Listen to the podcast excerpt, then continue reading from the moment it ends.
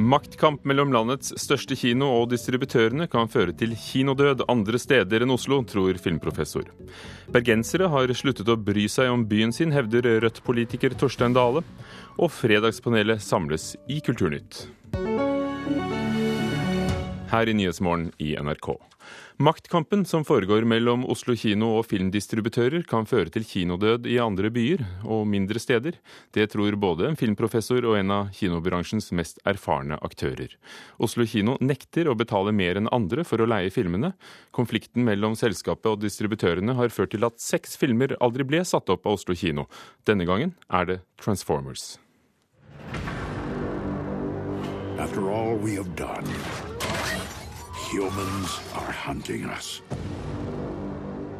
Kjemperobotene vender tilbake med større smell og eksplosjoner enn noen gang når den fjerde Transformers-filmen har premiere i dag.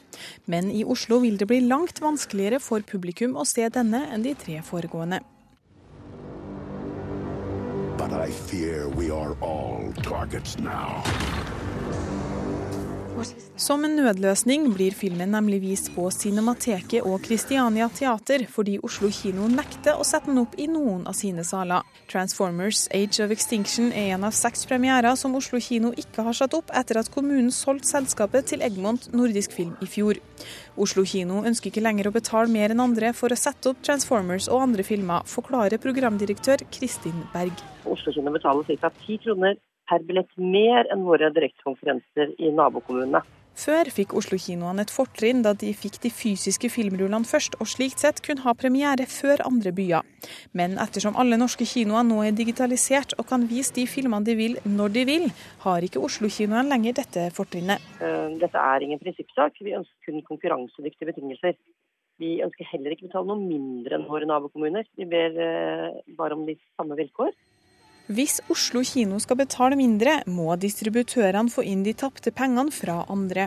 Det vil kunne gå utover mindre kinoer i distriktene, tror tidligere leder i Kinodistributørene sin bransjeforening, Guttorm Petterson. Oslo kino prøver nå å, å betale lavere filmleie enn de har tradisjonelt gjort tidligere. og Konsekvensen må da bli at eh, de mindre som får film tidligere, må, må betale mer filmleie enn høyere filmleie. Og Det er jo da kinoer som kanskje driver mye tyngre enn det Oslo kino gjør. og Konsekvensen av det kan bli at de rett og slett må, må stenge eller redusere sin virksomhet. Filmprofessor ved Universitetet i Oslo, Ove Solum, er enig.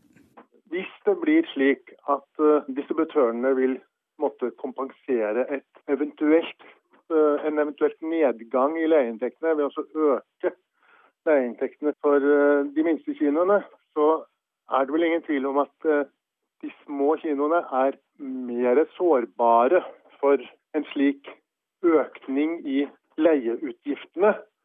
Og sånn sett så uh, kan jo en konsekvens være at uh, de ikke kan finne det lønnsomt å drive lenger. Hvis partene ikke snart blir enige, vil det kunne koste de begge dyrt. Etter NRKs beregninger har de tre første Transformers-filmene spilt for over fem millioner kroner hver i hovedstaden. Maybe not who we are. And who we can be. Reporter eh, Runa Rød og verken Bransjeforeningen for norske kinoer eller Distributørenes forening vil kommentere saken pga. forhandlingene som pågår. Distributøren av Transformers-filmen UiP vil heller ikke kommentere, men sier at uenigheten har ført til at det er fire av deres filmer som ikke er blitt satt opp i Oslo.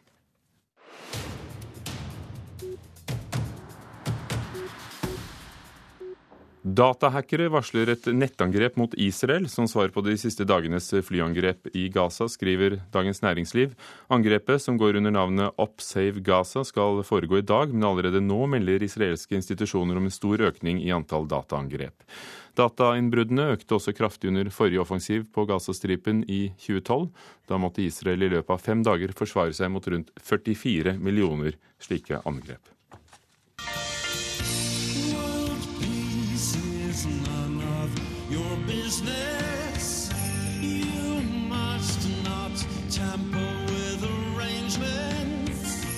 Morrissey, den tidligere The Smiths-vokalisten, ønsker å stanse oversettelsene av hans selvbiografi, også det norske. Boken kom ut på engelsk i oktober i fjor og skal egentlig oversettes til 14 språk. Eivind Refsnes i Spartacus forlag, som har de norske rettighetene, sier til Aftenposten at han håper at situasjonen blir avklart i løpet av sommeren. Boken skal etter planen utgis på norsk i oktober. Eileen Ford, grunnleggeren av Ford Models, døde onsdag, 92 år gammel. Hennes krav om at modeller skulle bli betalt hver gang bildene deres ble brukt, og ikke per time eller dag, la grunnlaget for fremveksten av 1980-tallets styrtrike supermodeller, og i agenturet sitt dyrket Ford frem en rekke fotomodeller som siden ble berømte, blant dem Naomi Campbell, Christy Turlington, Brooke Shields og Kim Bassinger. Bassinger.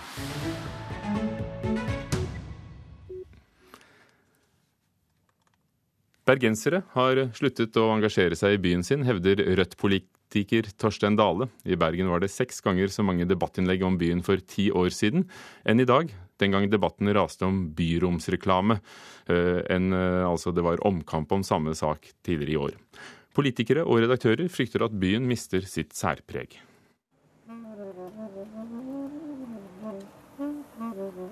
Han Mario er en fyr med en sigarett mellom fingrene og en saksofon mellom hendene. Han spiller på gaten, i byen mellom de sju fjell. Det er årets varmeste dag, og noe er galt. For noe tyder på at dette året er året byen mellom de sju fjell sluttet å være Bergen.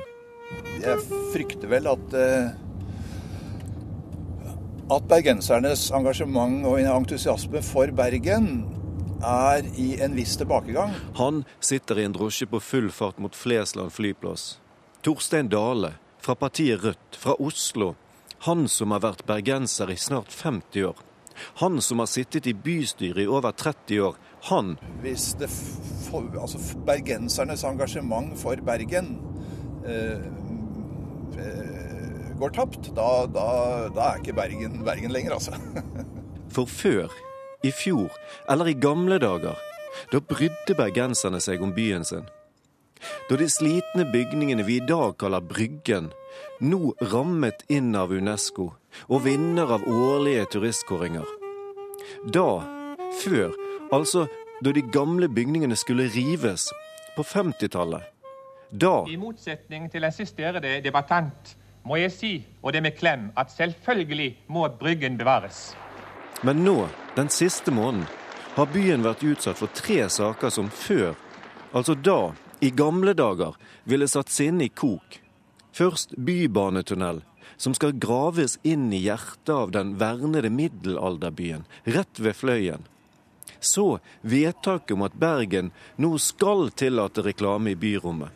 Og denne uken nyheten om at en fredet sjøbod i hjertet av innseilingen til byen raste sammen ingen pågang. Skulle tro at det provoserte bergensere, da, og ikke minst når du da har en eier som bare fnyser og sier at eh, dette kunne òg ha skjedd for 200 år siden. Hilde Sandvik, debatt- og kulturredaktør i Bergens Tidende.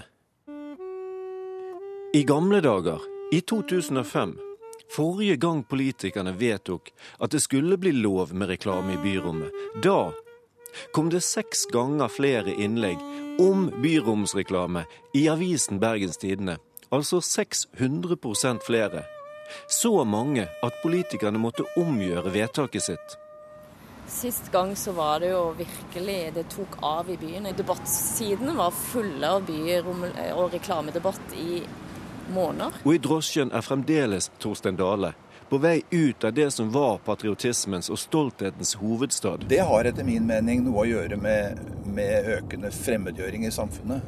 Men når en bygger vekk og bygger ned det særpreget, altså det, det som virkelig kunne vært merkevaren, så blir det jo ikke Da blir Bergen en helt alminnelig by. Sa Hilde Sandvik i Bergens Tidende til reporter Mikael Olsen Lerøen. Bengt Andersen, urbanantropolog og forsker ved storbyprogrammet på Høgskolen i Oslo. Er innbyggere mindre engasjert i byene sine nå enn før? Det tror jeg det er veldig vanskelig å si noe bastant ja eller nei på. Jeg tror at uh, folk uh, Altså byutviklingsengasjementet har, har, vel vært forbeholdt en liten gruppe mennesker både før og nå. Hvem er de? Nei, Det er stort sett folk med relativt god utdanning, kanskje på typiske sånne humanistiske eller, eller samfunnsfag på universitetene, eller arkitektutdanning. Og ja, Du har eh, forsket spesielt på forskjellene mellom øst og vest i Oslo. Men eh, går det an å si noe om hvordan engasjementet har endret seg? Hvilke former tar det i dag, hvis det tidligere var sånn at det var lesebrev som gjaldt? Jeg tenker at folk tyr kanskje til de nye kanalene som Twitter og Facebook og ja, blogger, ikke minst, og sånne ting. Jeg tror ikke jeg fikk med meg den forrige debatten om reklamebyrom i Bergen, men jeg fikk med meg den som gikk nå fordi at jeg er på Twitter. Så Der har jeg sett mange som har skrevet om, skrevet om det, som de kanskje ikke skriver inn til avisen. Så, så får de ut engasjement eller frustrasjon på, ja, på internett. Så mens den var større i avisene den gangen, så er den kanskje da større nettopp på nettet nå? Eller kanskje den er like stor. Det er vanskelig å si. Hva er det som engasjerer folk? Jeg tror ofte at det som engasjerer folk, er det som de selv kan erfare eller tenker vil påvirke dem i hverdagen. Altså de byrommene de selv bruker, nabolagene deres og sånne ting. Ehm, så hvis det er eh, Folk er ofte, vil ikke f.eks. ha et høyhus i det området de bor. Mens eh, hvis det er noe som skjer sånn mer sånn overordnet byplangrep og arkitekturpolitikk, engasjerer stort sett ofte mindre. Da. Skjer det store politiske forandringer som, som egentlig angår folk, men som ikke vekker debatt? Ja, det vil jeg si. Altså f.eks. for eksempel eh, det med privatiseringen av byrommet. ikke sant? Mange områder i byen blir eh, styrt og kontrollert av private, det vekker veldig liten debatt her i Norge, syns jeg. Det vekker mye mer debatt i andre land hvor det har skjedd og skjer det samme. Hva er konsekvensene av det? Nei, altså det har jo med hvem som bestemmer over med, jeg håper å si, tillatt atferd, og hvem som får lov å være til stede i byrommet, f.eks. Uh, ja, at kan regulere, private kan regulere på en helt annen måte enn det offentlige gjør. Mm. F.eks. For forby skating. Ja. Burde folk engasjert seg eh, mer i disse store sakene, synes du? Når du forsker på det, og hva, hva, hva, politikken til slutt har å si for de som bor i byene? Jeg personlig syns at derfor jeg er engasjert. Eh, så de gangene jeg har skrevet eh, leserinnlegg om, eh, som går på mer som byutvikling eller arkitektur, så er det jo ingen respons. Men hvis jeg skriver om noe som har med innvandrere og innvandring å gjøre, eller segregasjon i by, da er det jo, blir jeg til og med ringt opp midt på natta av folk som er sinna. Takk skal du ha. Bengt Andersen, antropolog og forsker ved storbyprogrammet på Høgskolen i Oslo. Klokken er eh, passert eh, kvart over åtte, og du hører på Nyhetsmorgen i NRK. Raketter fra Libanon er blitt skutt mot Israel nå i morgentimene. AUF-ere på sommerleir tror det blir både vondt og godt når de skal besøke Utøya i dag. Og bøndene må få lov til å både lage og selge sprit, mener landbruksministeren. Fredagspanelet er samlet i Kulturnytt og tar akkurat nå plass ved mikrofonene. Anna Katarina von Matre, kulturredaktør i Minerva, god morgen. Hei. Inger Merete Hobbelstad, kommentator i Dagbladet. Hei. Og Carl Fredrik Tangen, samfunnsgeograf og førstelektor ved Markedshøgskolen. Hei. Første spørsmål. Over 800 nordmenn har søkt Google, nettstedet og søkemotoren, om å bli slettet fra deres eh, søkeresultater. I Europa er det over 70 000, og dette er et resultat av en EU-dom som fastslår at vi skal kunne bli glemt av, uh, av, søkemotorer. Bør vi kunne nettopp det viske ut de digitale sporene etter oss selv? Nei. Ja. Ja. Hvorfor skal vi ikke kunne styre det? Det blir jo skrevet så mye rart på internett. Ja, altså For det første tror jeg ikke det er mulig. Eh, altså jeg tror at Det å til enhver tid følge med hva som står om seg selv, særlig hvis det er snakk om litt offentlige personer, det vil kreve en konstant årvåkenhet. Altså Du kan slette det, eh, gjøre en sånn sjau, også, men så kan jo dette dukke opp på alle mulige krinkelkrokel internett, internett, hva det nå er eh, du ønsker fjernet. Og for det andre ser jeg for meg at det kan på sett og vis Altså Ordet misbrukes er kanskje litt underlig å bruke i denne sammenhengen, men at man også kan fjerne ting som kanskje er litt ubehagelig for en selv at det er ute i offentligheten, men som likevel kanskje burde være det. da. Altså Nå vet jeg at Google legger også et slags vesentlighetskriterium til grunn her. At det skal på en måte Du skal nesten kunne dokumentere at det er uvesentligheter for at det blir slettet. Men jeg kan se for meg likevel at ting som har blitt gravd opp om offentlige personer, eh, om eh, Og det være seg også privatpersoner, kan bli som kanskje burde være der, da kan bli, vet, må bli slettet. Jeg tenker at man må basere seg på at folk er så teknologisk savvy etter hvert at de vet at det, Nettopp som du sier, at det står mye rart på internett, og at man må ha en viss distanse til det man finner. Særlig på sånne sider med rosa bakgrunn og løkkeskrift og rare animasjoner. Carl Fredrik Stangen. Jeg tror vel ikke det er mulig. Så det, men, men, det er jo likevel sånne autorative kilder, om det er A-tekst eller altså der hvor avisene ligger, altså, hvor det bør være mulig altså, liksom, kunne gå inn og kontrollere sannheten om uh, seg sjøl. Men jeg har funnet en metode. Uh, fordi jeg har blitt utsatt for det. Noen som mente at jeg var eh, tilhenger av den Ayn Rand, den objektivistiske fi filosofen, som jeg syntes var ganske sånn ubehagelig. Uh, så jeg har funnet ut at hvis du legger ut mye ljug Eh, så Det står f.eks. Eh, at jeg har jobba 100 år på arbeidsplassen min eh, på nett. Så, så må jo folk skjønne at det kan ikke stole på alt det som står om deg. Så jeg tror det er en mest realist... Hvordan har du begynt å lyve ja, selv? Ja, jeg har begynt å legge ut masse, jeg har begynt å legge ut masse ljug om meg sjøl på LinkedIn og Altså, så, så, er du ikke førstelektor ved Markedshøgskolen? Det, det, kan du jo aldri vite. og det er, det er sånn man har kontroll eh, nå. Det er ikke bare å holde på informasjon, det er bare å øse ut så mye informasjon at det er helt umulig når du begynner å sette informasjonen ved siden av hverandre, å få en helhet. Det var en veldig kreativ strategi. Altså. Eh, men det er jo litt det samme man egentlig driver med. Sant? Før så var det litt sånn at altså, bordet fanget. Hadde du skrevet noe i avisen, så, så var det på trykk. Men det var ikke så lett tilgjengelig. Sant? Du måtte i avisarkivet eller på biblioteket husker jeg vi gikk for å finne informasjon om eh, kjendiser og, eller sånn, forfattere og sånne ting. da.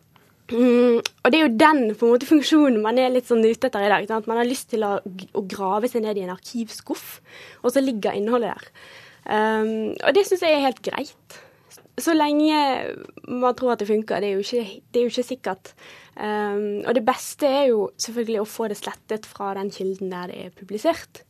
Um, for det, blir jo fortsatt liggende der, selv om Google ikke liggende. finner det for deg. Og jo, Da går du på en måte ikke til roten av problemet. Og, selvfølgelig har du fått spredd uh, liksom-pornografi om deg uh, sjøl på en million treff på internett. Så så skjønner jeg jo at du går til Google istedenfor til alle disse enkeltplassene. Da, men problemet er vel for dem som har fått uh, ting spredd om seg selv som faktisk er sanne, men de ikke liker at ligger der lenger. Mm.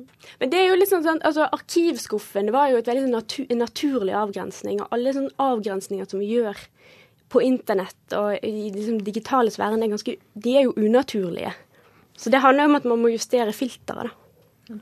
Det her er jo også den borgerlige skammen. Altså, det, dette er jo noe som oppsto en eller annen gang som på 1600-tallet. eller Folk liksom Folk har jo bodd sammen oppi hverandre i hus og sett alt mulig og visst innmari mye om hverandre. Og så fikk du kjernefamilier og hus hvor gardinen var vendt utover, og så skjedde alt liksom det syndige skjedde inn, bak husets vegger. Og så får du skammen. Så det er jo, det er jo en sånn der arva skam fra, altså, fra, litt kort historie som setter seg i kroppen våre når noen viser nakenbilder av oss, f.eks. Altså, apropos det du sier, det er jo så klart veldig ubehagelig og til dels kan ha uheldige konsekvenser for dem selv at det står noe på nettet som er sjikanøst og som er skadelig skadelig, og som henviser til hendelser du kanskje skulle ønske ikke hadde skjedd. Eh, alle har gjort dumme ting, men det er jo noen som eh, får dem mer sånn flashet ut i offentligheten enn andre.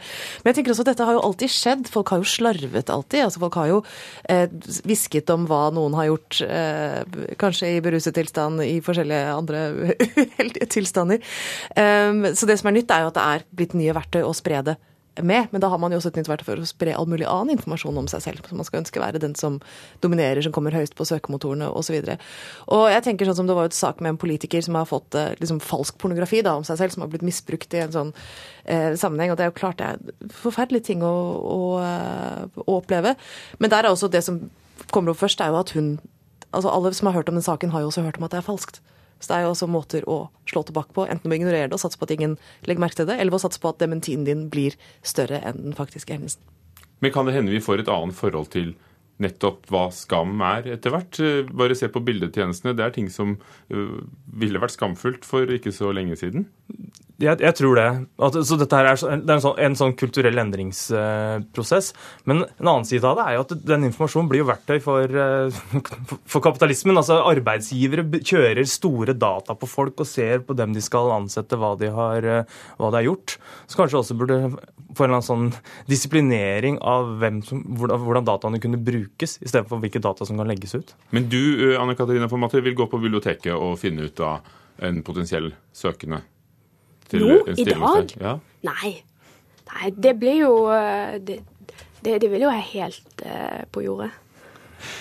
I en kronikk i Dagens Næringsliv, og dette er nytt tema, eh, i går argumenterer samfunnsgeograf Carl Fredrik Tangen, ja vi tror han er det, han sier han er det, og han sitter her, for at det bør være mulig å skape en verden som er mindre dominert av fotball Er det mulig å skape det? Nei. Nei. Absolutt, ja. Hvordan har du tenkt deg det?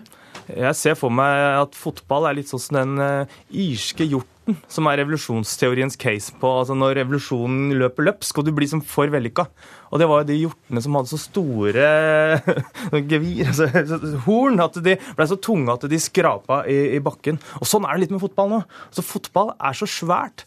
Og jeg tenker at kanskje sammen med, økonom, altså, med økonomiske krefter, uh, så bør det være mulig å kjøre fotball litt uh, tilbake. Nå er det f.eks. sånn at hvis du skal tjene penger på mediekanalen din, så, så, må du kjøpe fotballrettigheter. Og de er innmari, inn, innmari dyre. Skal du som få lesere, så bør du ha mye fotballstoff. Og så viser jeg at eh, det er ikke sånn at flertallet engang vil ha fotball. Det er, sånn, det er mindretallet i befolkningen, samtidig som det kjøres opp overalt. Og så er det nyheter, så kommer det liksom, om Gaza og om politikk og om fotball, så flettes det bare inn i hverandre som om fotball er en av de, en av de tingene. Så jeg håper at mange av de økonomiske kreftene som satser på fotball, går konk. Og, dermed så vil vi få mindre av det. Og det, det skjer jo med fotballag også. Altså Vålerenga f.eks. nå går konk. Lyn er jo litt sånn. Altså, som, som var et av de virkelig tradisjonsrike laga i, i, Norge. Og så, det, så kom storkapitalisten inn og kjøpte det, og de skulle drive med sånn internasjonal handel av fotballspillere. Og så forsvinner hele klubben ned i fjerdedivisjon. Og der er det fint å, ha, fint å ha Lyn. Drive med barnefotball og ikke være så synlig. Det er en naturlov da, derimot flere andre at fotballen er så stor?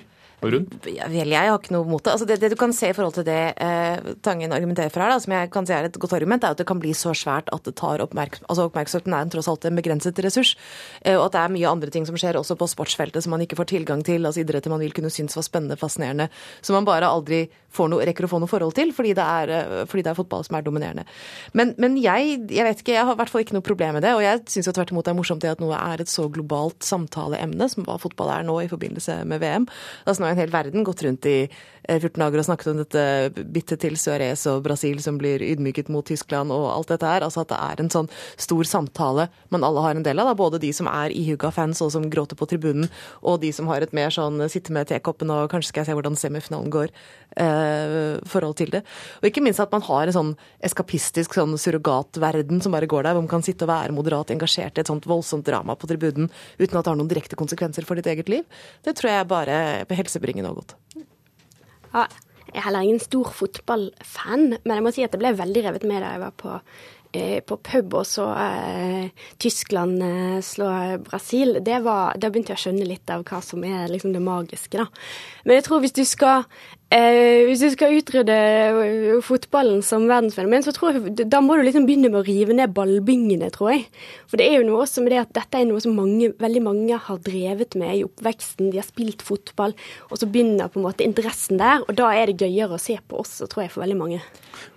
Men det du vel sier, er at det er faktisk ikke så stort som det ser ut til? Ja, og det, er jo sånn, Mange nordmenn liker å gå på tur. Det er en av de største forbundene i Idrettsforeningen. Det betyr jo ikke at vi leser om kappgang eller turgåing eller noe sånt i avisa mm, hele, hele tida. Altså, det er det er jo ikke nødvendigvis sånn at det mange holder på med, skal vi drive for masse informasjon om òg. Og det er den tvangen til altså Når jeg skriver det, så er det jo at den tvangen til å måtte utsettes for fotball. Og det er også sånn at folk liksom skamløst mener at de kan snakke om fotball med deg fordi at det forventes at du har kunnskap eh, om det, som om det er viktig. Og da, da, leiter jeg jo litt da, etter noe det går an å stole på som kan kjøre fotball på knærne, og da satser jeg på økonomiske eh, prosesser. Dette er muligens en mannlig frustrasjon. Jeg følte at ingen har forventet at jeg skulle, skulle, kunne noe om fotball på noe tidspunkt i livet mitt. Uh, men, men altså, det at man ikke skriver om turgåing, er jo naturlig. Altså, det er jo rett og slett dramatikken. Altså, det er ikke noe, eller det kan skje. det kan jo plutselig, Man kan jo møte eh, elger og alver og hva man ikke kan møte og ikke kan møte på skogstur. Men jevnt over så er det jo fotballen har en veldig sånn inherent dramatikk eh, i seg. Det som gjør det veldig takknemlig for eh, I noen land er cricket veldig populært. Curling er plutselig blitt litt mer populært. Eller altså Hva som helst kan jo være spennende hvis man er skolert inn i det. For jeg ser jo folk sitte med åndeløs spenning og se på cricketkamper, noe som eh, for mange av oss er eh, ikke så lett å forstå. Så det er jo noen ting hvor man må være innforstått. Fotball er jo lavterskel sånn sett. Det er jo ikke vanskelig å skjønne hva som foregår og hva spenningen består i. Mm. Det er et minste felles multiplum. på mange måter. Vi får se hvem som får rett.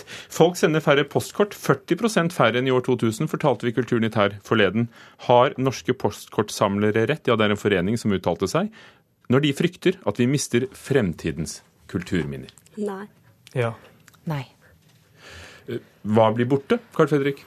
Fremtid altså, Kulturminner blir jo borte hele, hele tida. Det, mm, og det er ikke sånn at jeg jeg, jeg, jeg, jeg- det blir litt rart. Jeg, jeg, jeg tror ikke at eh, postkort bør bevares for at vi skal få kulturminner eh, framover. Men eh, det kommer jo til å bli færre og færre altså, Når folk sender færre postkort, så kommer det jo til å bli færre og færre, og så blir de kasta etter hvert. Altså, det, det er mer, mer poenget mitt. Men eh, det som ikke kommer til å forsvinne, det er at vi får et eller annet som vi kan se på og ta på. og sånn. Det som tegnes opp der, er jo et sånn overgang fra liksom, papir til noe som blir digitalt. Og sånn kommer ikke hele verden til å bli. Anna Katarina, kommer du til å bli Instagram-samlere i fremtiden? Det kan jo være, det er det vel allerede. Det, jeg synes det er helt absurd egentlig å, å, å okke seg over at eh, postkortene forsvinner. Det, det er koselig med postkort, men hvis du skal forske på eh, hva, hvordan folk kommuniserte, så har du aldri hatt bedre forhold enn det du har i dag. Um, så da får jo digitale kulturminner, da. Da må man jo lære seg å sette pris på de istedenfor. Men vil vi finne dem igjen om 100 år?